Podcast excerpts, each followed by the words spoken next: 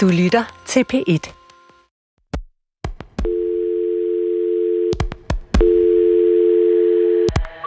Hallo? Hvor er det sødt at der er ringe? Men du burde altså ikke gøre det. Det er ikke godt for din karriere at blive associeret med mig. Else er anklaget i en sag, der handler om en omfattende narkoring. Jeg synes egentlig ikke, jeg har gjort noget galt. Hun hævder selv hårdnakket, at hun er uskyldig. Hun har i over 10 år hjulpet fanger til at få en bedre og mere lovlydig tilværelse efter endt straf.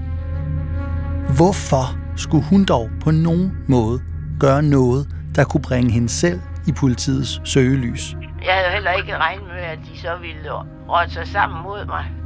Men sådan er det. Men hvad nu, hvis søde gamle Else bare er godt gammeldags kriminel?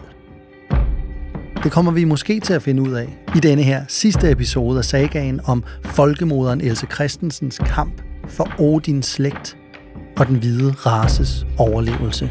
Men tusind tak for, at du ringede. Og mist ikke modet.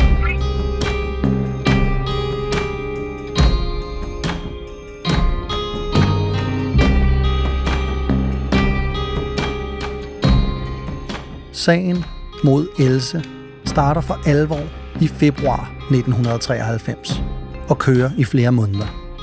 Og hun har fra start af fuld støtte fra sit odinistiske bagland. De følger sagen tæt, og det er en ret udbredt fordom blandt dem, at man ikke skal regne med, at Else kommer til at blive behandlet særlig retfærdigt af systemet. Også selvom hun befinder sig i et af de allerhelligste rum i Amerikas forenede stater. Der, hvor retfærdigheden burde trives allerbedst, nemlig i en retssal. Men lad os da slå dørene op og høre, hvad det så er, der sker derinde.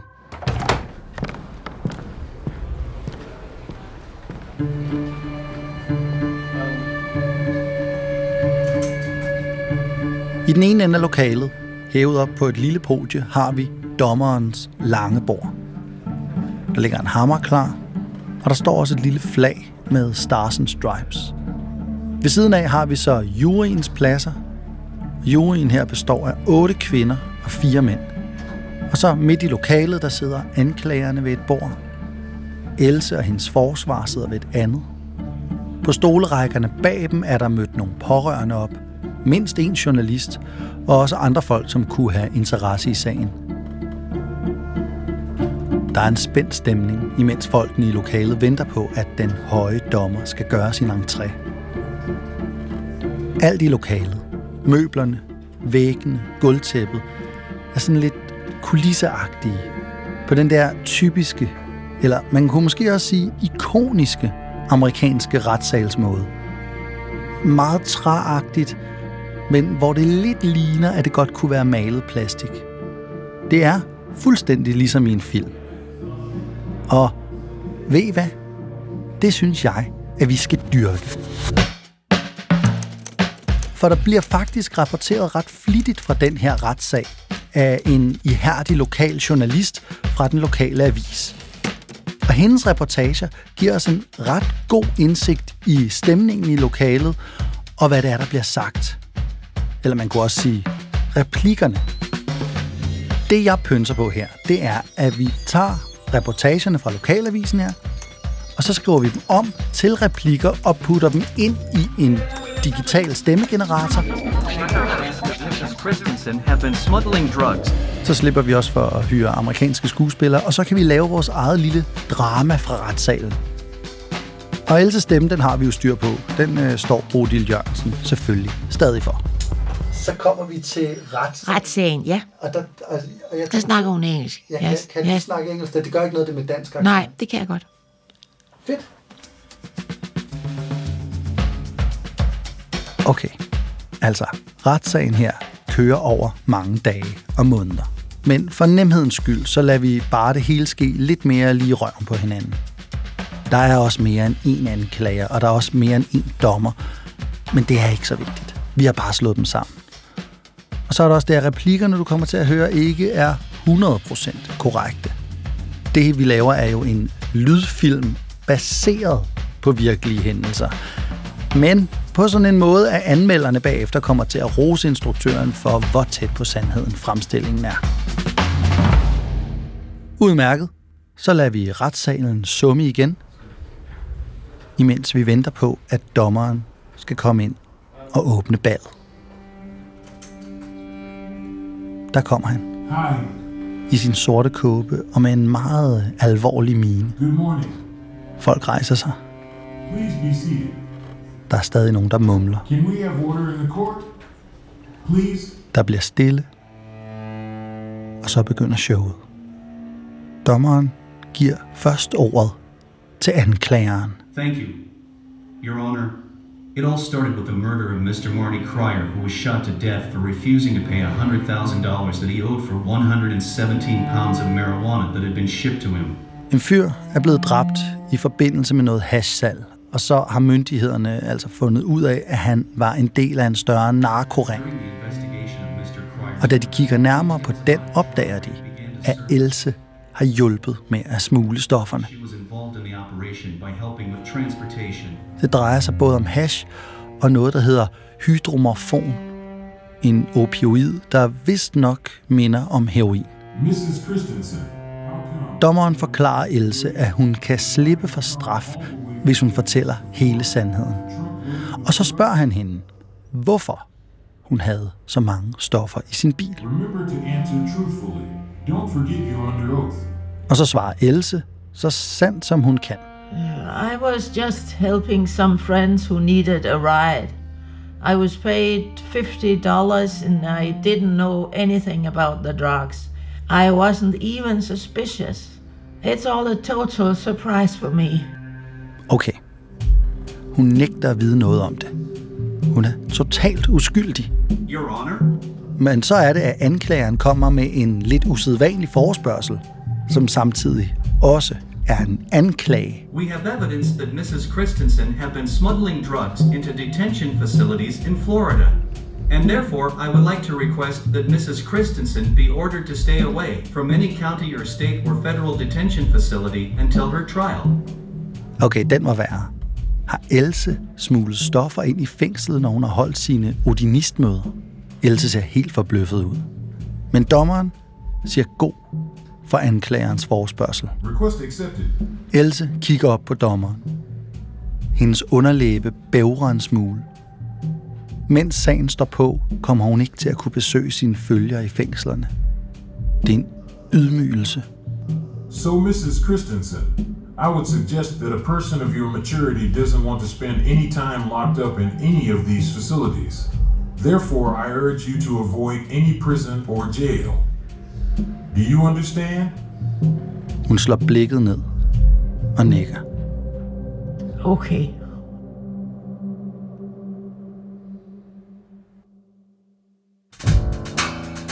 Sagen kører derud af, og der er en lang række folk, som bliver præsenteret i vidneskranken. Flere af dem har allerede fået dom i sagen på det her tidspunkt. Nogle har solgt stoffer, nogle har smuglet stoffer, nogle har konspireret om mor. Og når de her folk bliver spurgt om Elses rolle i sagen, så svarer de alle sammen, at hun har transporteret og opbevaret en masse stoffer for dem. Og når de bliver spurgt om hvorfor, så svarer de, at det var fordi hun var perfekt til opgaven på grund af sin alder. Der er jo ingen, der seriøst ville mistænke en sød gammel dame for at være narkokurer. Det giver bare ingen mening. Det er især to kvinder, der fortæller belastende ting om Else. To kvinder, der bor i samme trailerpark, som hun selv gør. De er en del yngre end hende, men hun regner dem som sine venner. She knew. Oh, yes, she knew. Det er to kvinder, der allerede er blevet dømt i sagen, og som nu i detaljer forklarer, hvordan de har siddet i Elses bil sammen med Else, som var chauffør, og at de sammen både har hentet og transporteret og opbevaret og skaffet sig af med en masse hash, også hårdere stoffer. I was in that car myself, and there is absolutely no doubt that she was well aware of what was in the trunk. Og pludselig virker Elses egen uskyldige forklaring slet ikke troværdig mere. Your Honor, Anklageren tager ordet. I can prove that Mrs. Christensen lied before the grand jury earlier. Han mener, han kan bevise, at Elsa har løjet i retten om, hvad hun fik for at køre sine venner til Texas, og om, at hun ikke vidste noget om stofferne. Og så er der desuden det med, at hun leder en odinistkult, der er især populær blandt de hårdkogte fanger.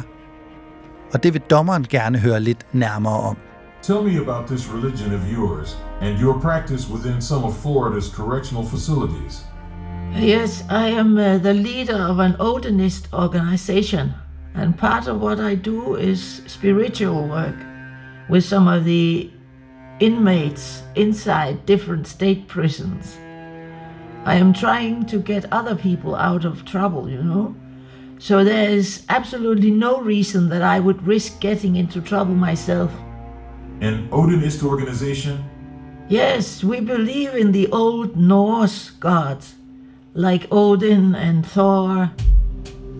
Men så er Elses advokat hurtig. Your Honor, I request that any mentioning of my client's affiliation with the Odinist Fellowship is omitted from the evidence, since it might unfairly reflect on her during jury deliberations. Og det accepterer dommeren. Request accepted. En lille sejr for Else. Eller er det egentlig det? Kan det virkelig passe, at hun for at forbedre sine chancer i retten skal holde hemmeligt, hvad det er, hun bruger stort set al sin vågne tid på? At hende, de kalder The Folk Mother, ikke må stå ved, hvem hun er. Det ligner egentlig, nu hvor jeg tænker over det, mere et gigantisk nederlag. Et tvunget identitetstab. Desuden er det vist også, når alt kommer til alt, bare spildte kræfter fra hendes forsvar. For indtrykket lige nu, det er, at Else har løjet i retten. Der er ingen vidner, der støtter hendes forklaring, og det er der måske også en god grund til, fordi der er det lidt problematiske forhold, at hvis de her folk, for eksempel de to kvinder fra bilen, hvis de kan hjælpe med at få dømt flere af de involverede i den her narkoring, så kan de regne med at få nedsat deres egen straf. Og så falder de altså alle sammen, stakkels gamle Else, i ryggen. Det føles fuldstændig som knive, der en efter en bliver boret ind i ryggen på hende. Hun er dybt skuffet, og hendes forsvar er frustreret. All of the government's witnesses have everything to win if they testify against my client. But they are not to be trusted. If they are going to be involved in the murder of one of their own, there's nothing to prevent them from coming in here and lying, even if it means sacrificing an old innocent lady. Da det bliver Elses tur til at komme i vidensskranken og forklare sig, står hun lidt og vakler. Hun kan ikke beslutte sig for, om hun vil eller ej. Hendes forsvar har vist rådet hende til ikke at sige noget, men hun vil jo gerne forklare sig. Dommeren kan mærke, at Else er i tvivl, så han sender juryen uden for døren og kalder Else op til sit bord. Listen, whether you testify or not is a personal decision, not your lawyer's. But you only get this chance. If you later regret not testifying, it's too late. It's all over. You may be in prison a long time. Okay, I will testify. Else sætter sig i vidensskranken. Hun sveder. Hun synes, det hele er så underligt og uvirkeligt. Hun bliver spurgt meget direkte om, hvorfor hun løj for retten tidligere. Og der svarer hun, It was a snap decision. It was the wrong decision. I, I regret that I made this decision. og så giver hun sin egen version af sagen.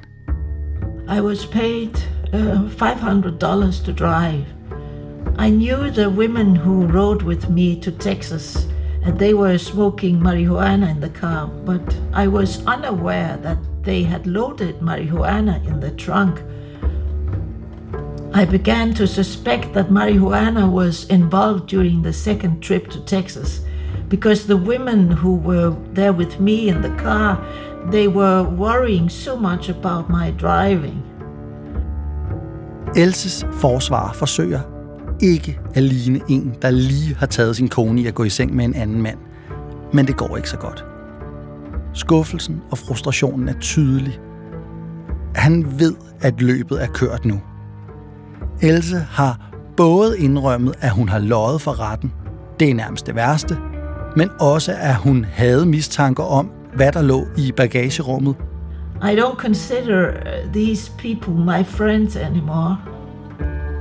Hvis bare hun aldrig havde sat sig i den vidnestol.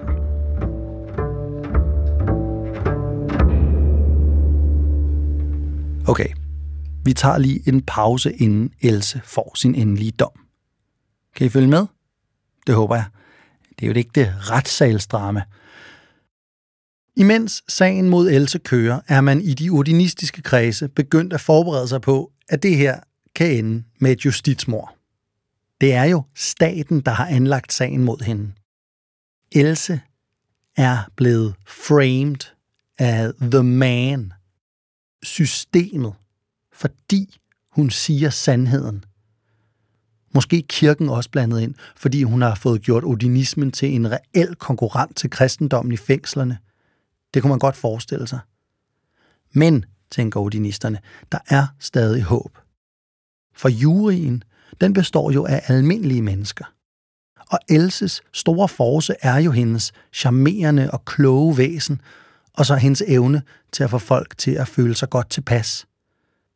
Juryen må og skal altså rense Else.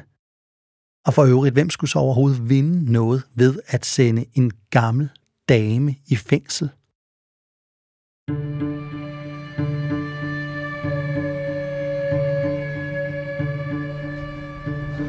Det er den 20. februar 1993. Juryen har været væk i næsten fire timer nu for at diskutere Elses sag. Til at starte med tænkte Else, at det var positivt, at de tog sig så god tid. For så kunne de da i hvert fald ikke være totalt overbeviste om, at hun var skyldig. Men imens timerne går, så vender hendes tanker sig 180 grader. For de er vist heller ikke helt enige om, at hun er uskyldig. Da de 12 personer endelig kommer tilbage ind i retssalen, er der en af medlemmerne af juryen, der er nødt til at tage et lomtørklæde frem for at tørre sine øjne. Tårne løber ned ad kinderne på hende, og hun snøfter. Åh oh nej, det tegner ikke godt. Formanden for juryen tager sig en dyb indånding, inden hun kommer med juryens dom. We, the jury, find the defendant Elsie Christensen guilty Else sidder med åben mund og stirrer tomt frem for sig. Hun tror simpelthen ikke på, hvad det er, hun lige har hørt. Det kan ikke være sandt.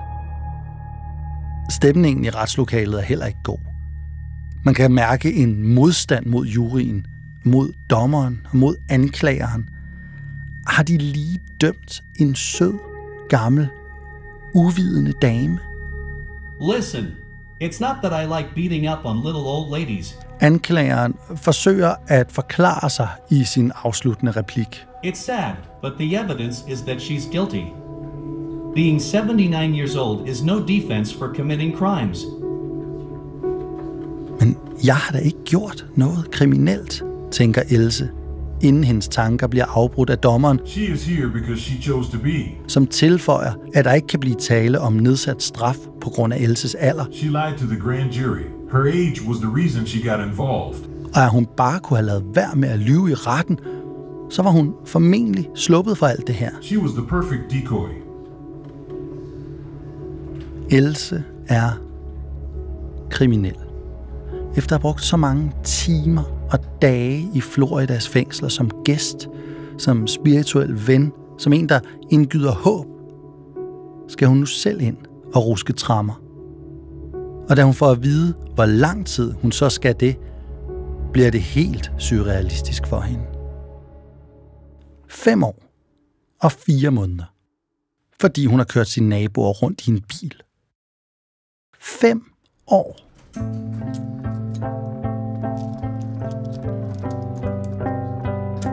Elses blik er helt stivnet og tomt, da to stærke betjente venligt stiller sig på hver sin side af hende, for at eskortere hende ud af retssalen. Hun græder ikke, men hun er rystet. Hun har svært ved at mærke sine ben, og et par gange må betjentene tage fat under hendes arme for at holde hende oprejst. Hun får en måned til at gøre sig klar og få styr på sin egen del, og så er det ellers direkte til Texas og i fængsel.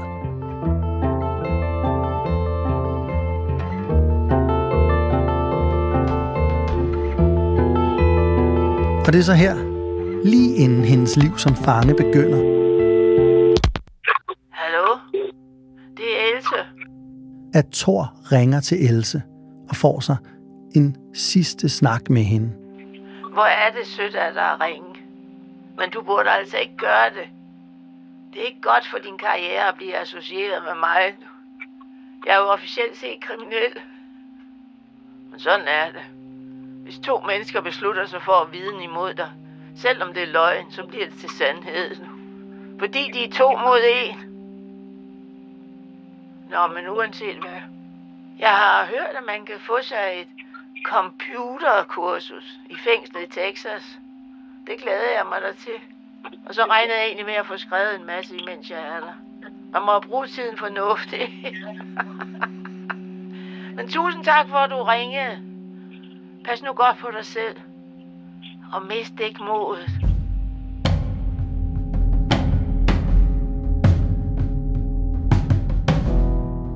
Else får 31 kasser med bøger og alle hendes dokumenter sendt i opbevaring. Og så får hun en ven, som hun stoler på, til at se efter hendes skurvogn, mens hun er væk. Når hun kommer tilbage, vil hun fortsætte, hvor hun slap. Det her det er bare en lille pause. Hun skriver også et brev til de mange abonnenter på hendes blad The Odinist og forklarer, at hun er blevet stukket i ryggen af to kvindelige ikke-odinister, som hun ellers troede var hendes venner, og hun kommer til at være væk et stykke tid. Hun fortæller også, at The Odinist ikke kommer til at udkomme mere, men at det bliver fusioneret med et andet Odinist-magasin, der hedder The Runestone, og at hun vil fortsætte med at skrive der, også fra fængslet. Og øh, jeg faldt faktisk lige over noget af det, hun skriver i den der periode der. Øhm, en klassisk top 9 over hendes yndlings nordiske guder.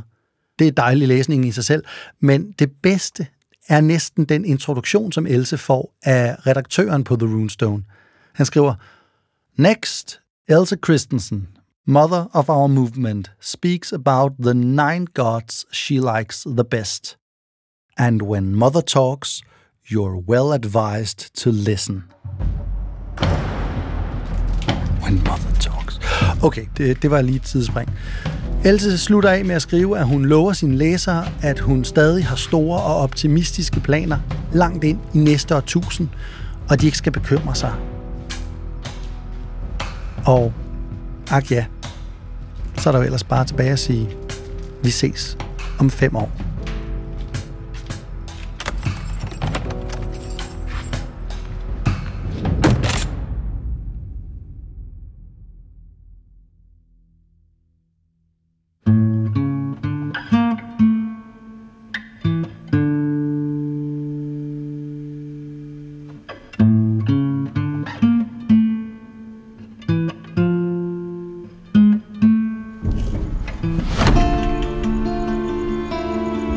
Det er en meget gammel dame, der tripper ud af fængslets port. Det er oktober 1997, og Elsa har brugt de sidste tre år bag trammer i Texas. Hun er blevet løsladt før tid, men det er en ringe trøst. Det er nemlig blevet besluttet, at hun ikke skal hjem til sin skurvogn igen. Nogensinde. Hun er simpelthen for farlig, må man gå ud fra, til at man kan have hende rendende rundt her i USA. Hun skal deporteres tilbage til Kanada, hvor hun har statsborgerskab.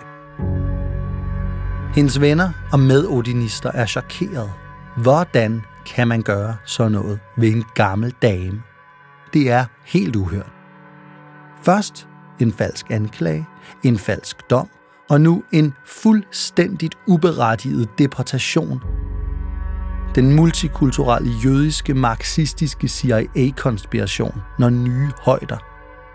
Men alt det her bekræfter dem også bare i, at de har fat i den lange ende.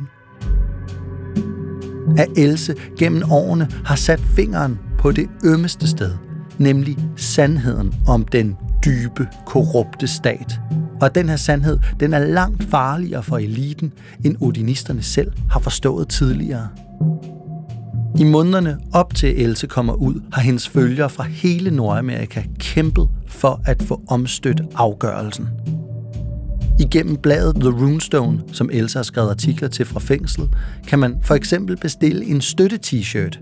Den er sort, og på brystet står der Asatro med runeskrift.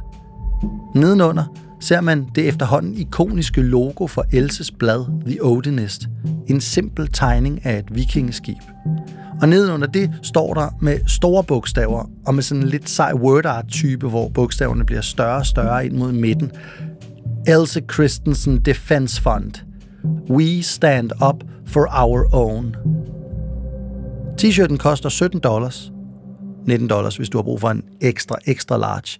Men så er det også inklusiv forsendelse. Man kan også købe en anden t-shirt med et fuldstændigt vidunderligt billede af Else på.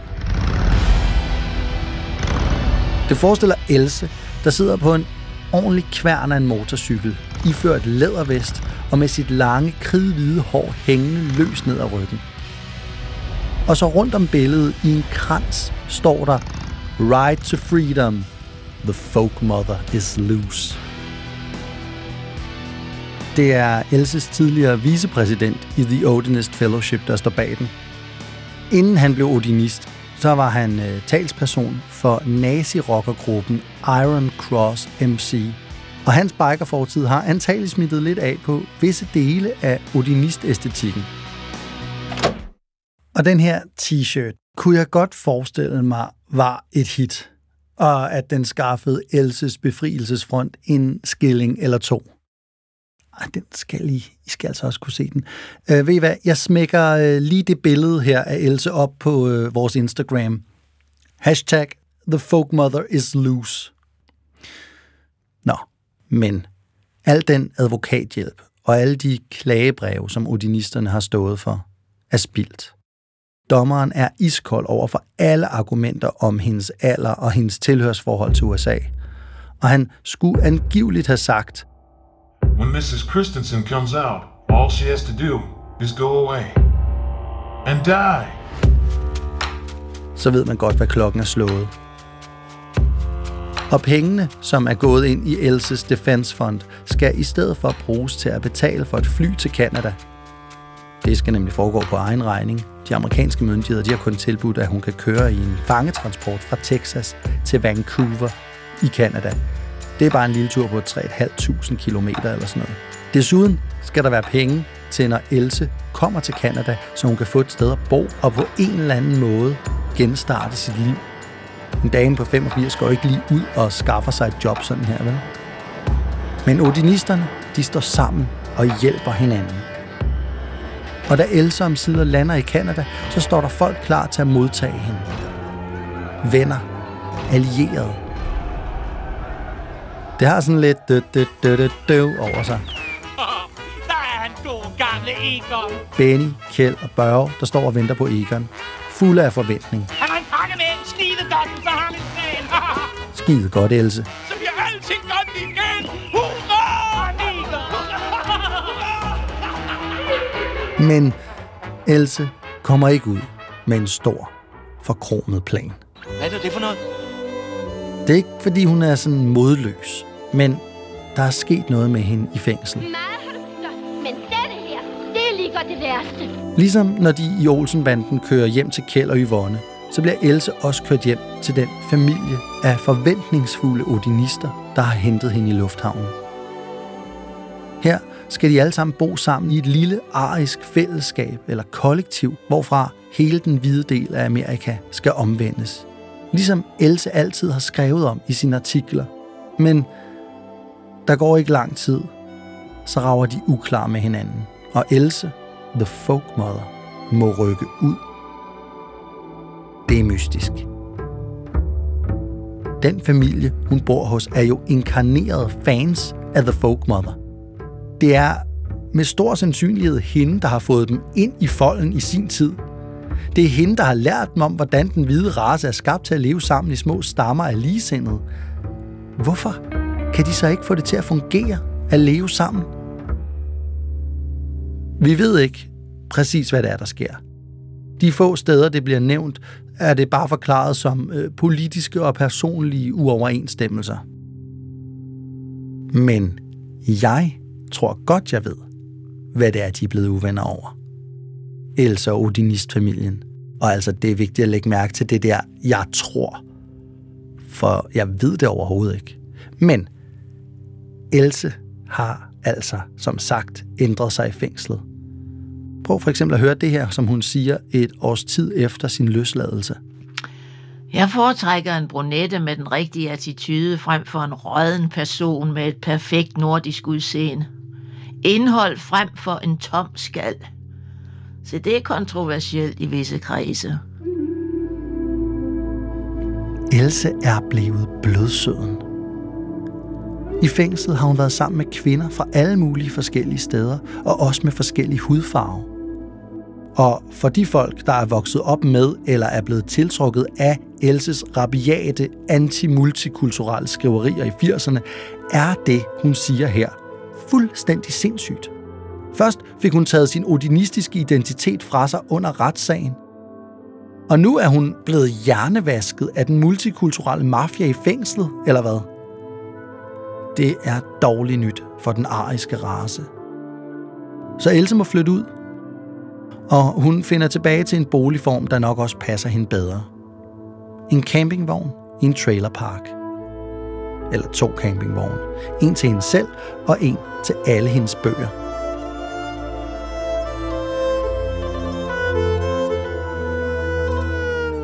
Okay, øh, vi skal jo ikke overdrive, hvor blødsøden og halal hippie Elsa er blevet.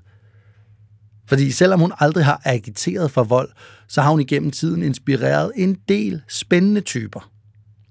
Den mest kendte af dem, især i USA, er David Lane.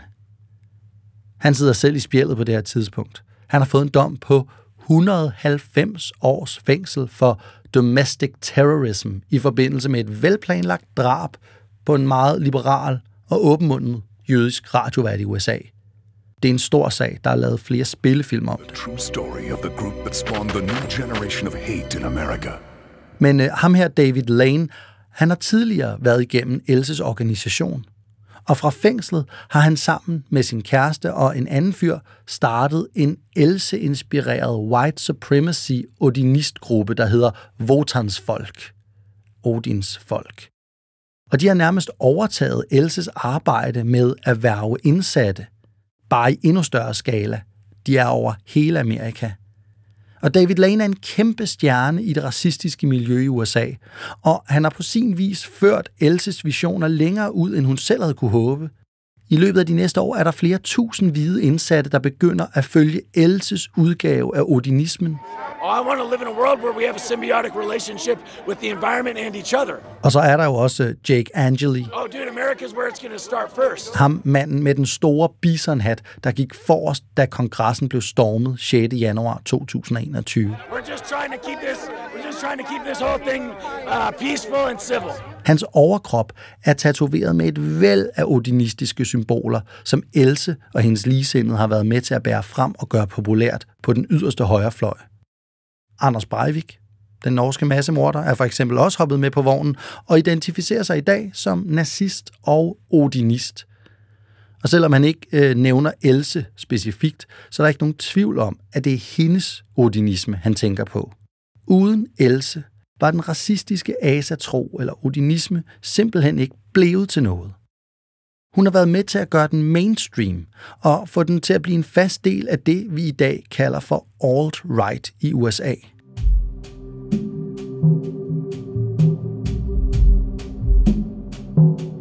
Puha, det var en længere smør.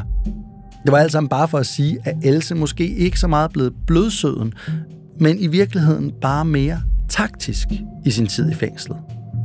Hun har i hvert fald ikke tænkt sig at tilrage sig for meget opmærksomhed, da hun kommer ud og bliver deporteret til Kanada.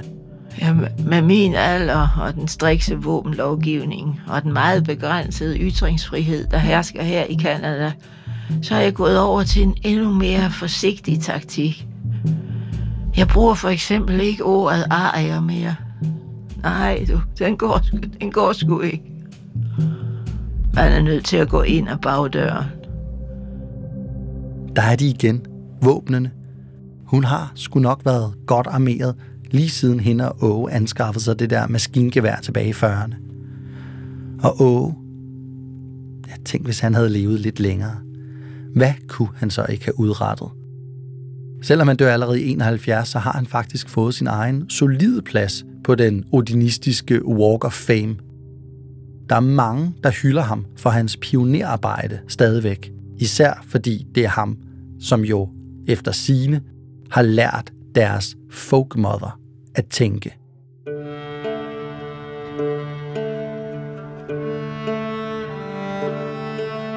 Else bliver ved med at skrive lige ind til den 1. maj 2005.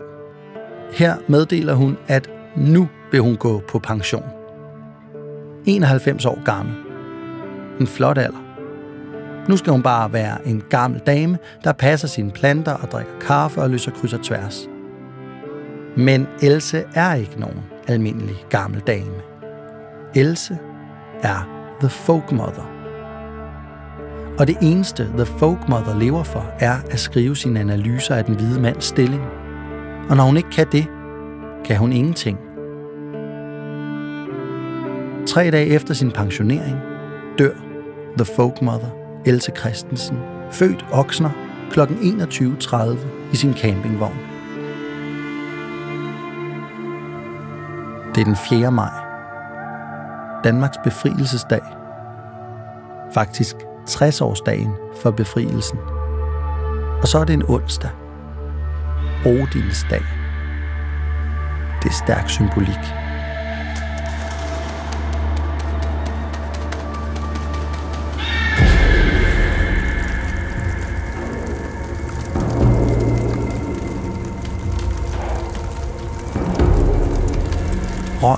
Stiger mod aftenhimlen.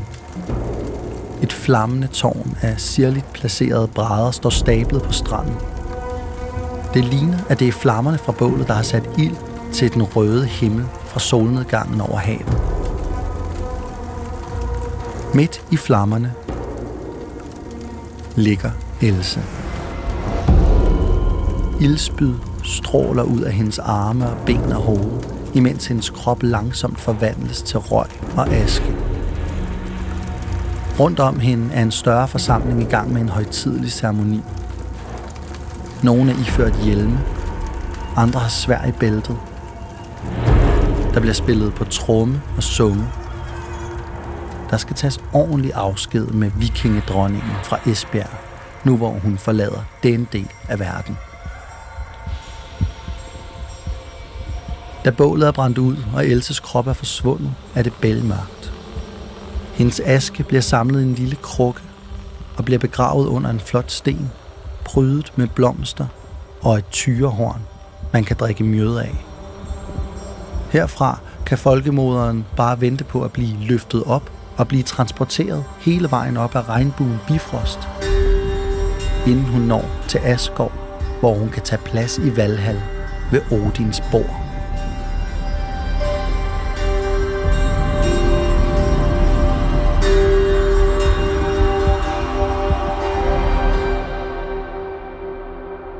I dagene efter sørger alle i det odinistiske miljø. Selv dem, der måske synes, at deres folkemoder var ved at blive lidt blød i kanten, sørger. Og alle uoverensstemmelser er hurtigt glemt. Elsa er et forbillede. Hvis man kunne helgenkåre mennesker i odinismen, ville hun være blevet det. Prøv for eksempel at høre her.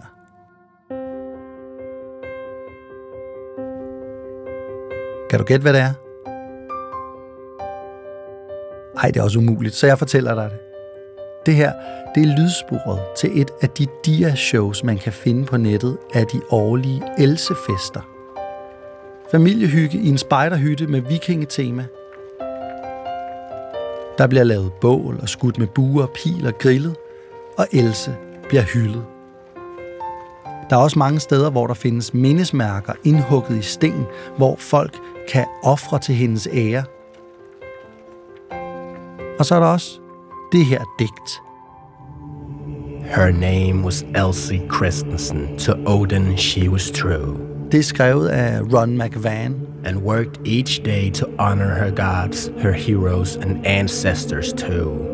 Han startede den der gruppe Votans Folk sammen med David Lane, ham der har fået 190 års fængsel. She never would waver, her perseverance would never fail. Han er erklæret hvid nationalist og en af de hårde drenge på den odinistiske højrefløj. And when all her monthly bulletins were done, she sent them through the mail.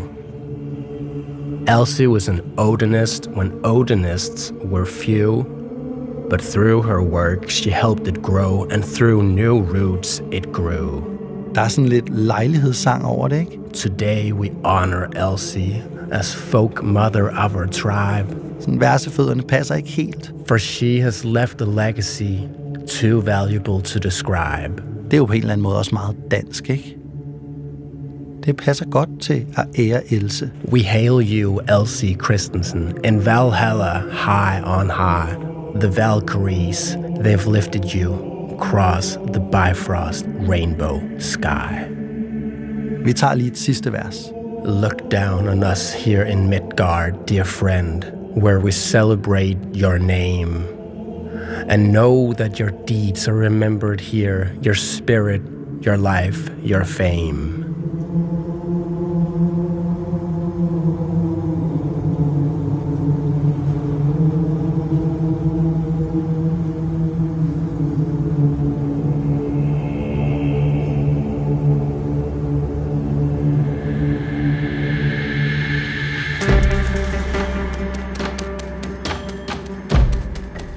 Du har lyttet til De Lovløse om Else og Åge Christensen.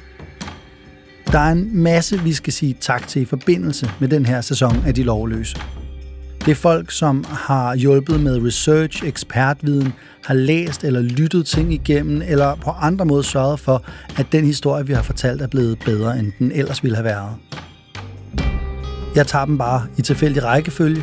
Peter Byberg, Nikolas Durup Thomsen, Peter Birkelund, Charlie Krautwald, Christina Feil, Lasse Laurentius Nolsø Lund, Louise Trier, Mathias Gardel, William Fox og selvfølgelig Bodil Jørgensen.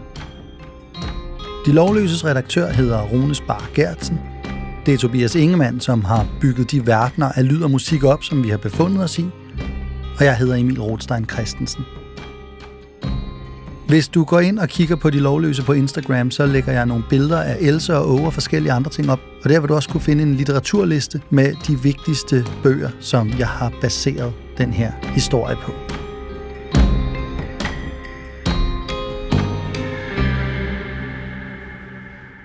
Tænk, at hun er så... Det er, for, det er helt vildt. Det er totalt vildt, og det er bare et totalt overset historie. Ja.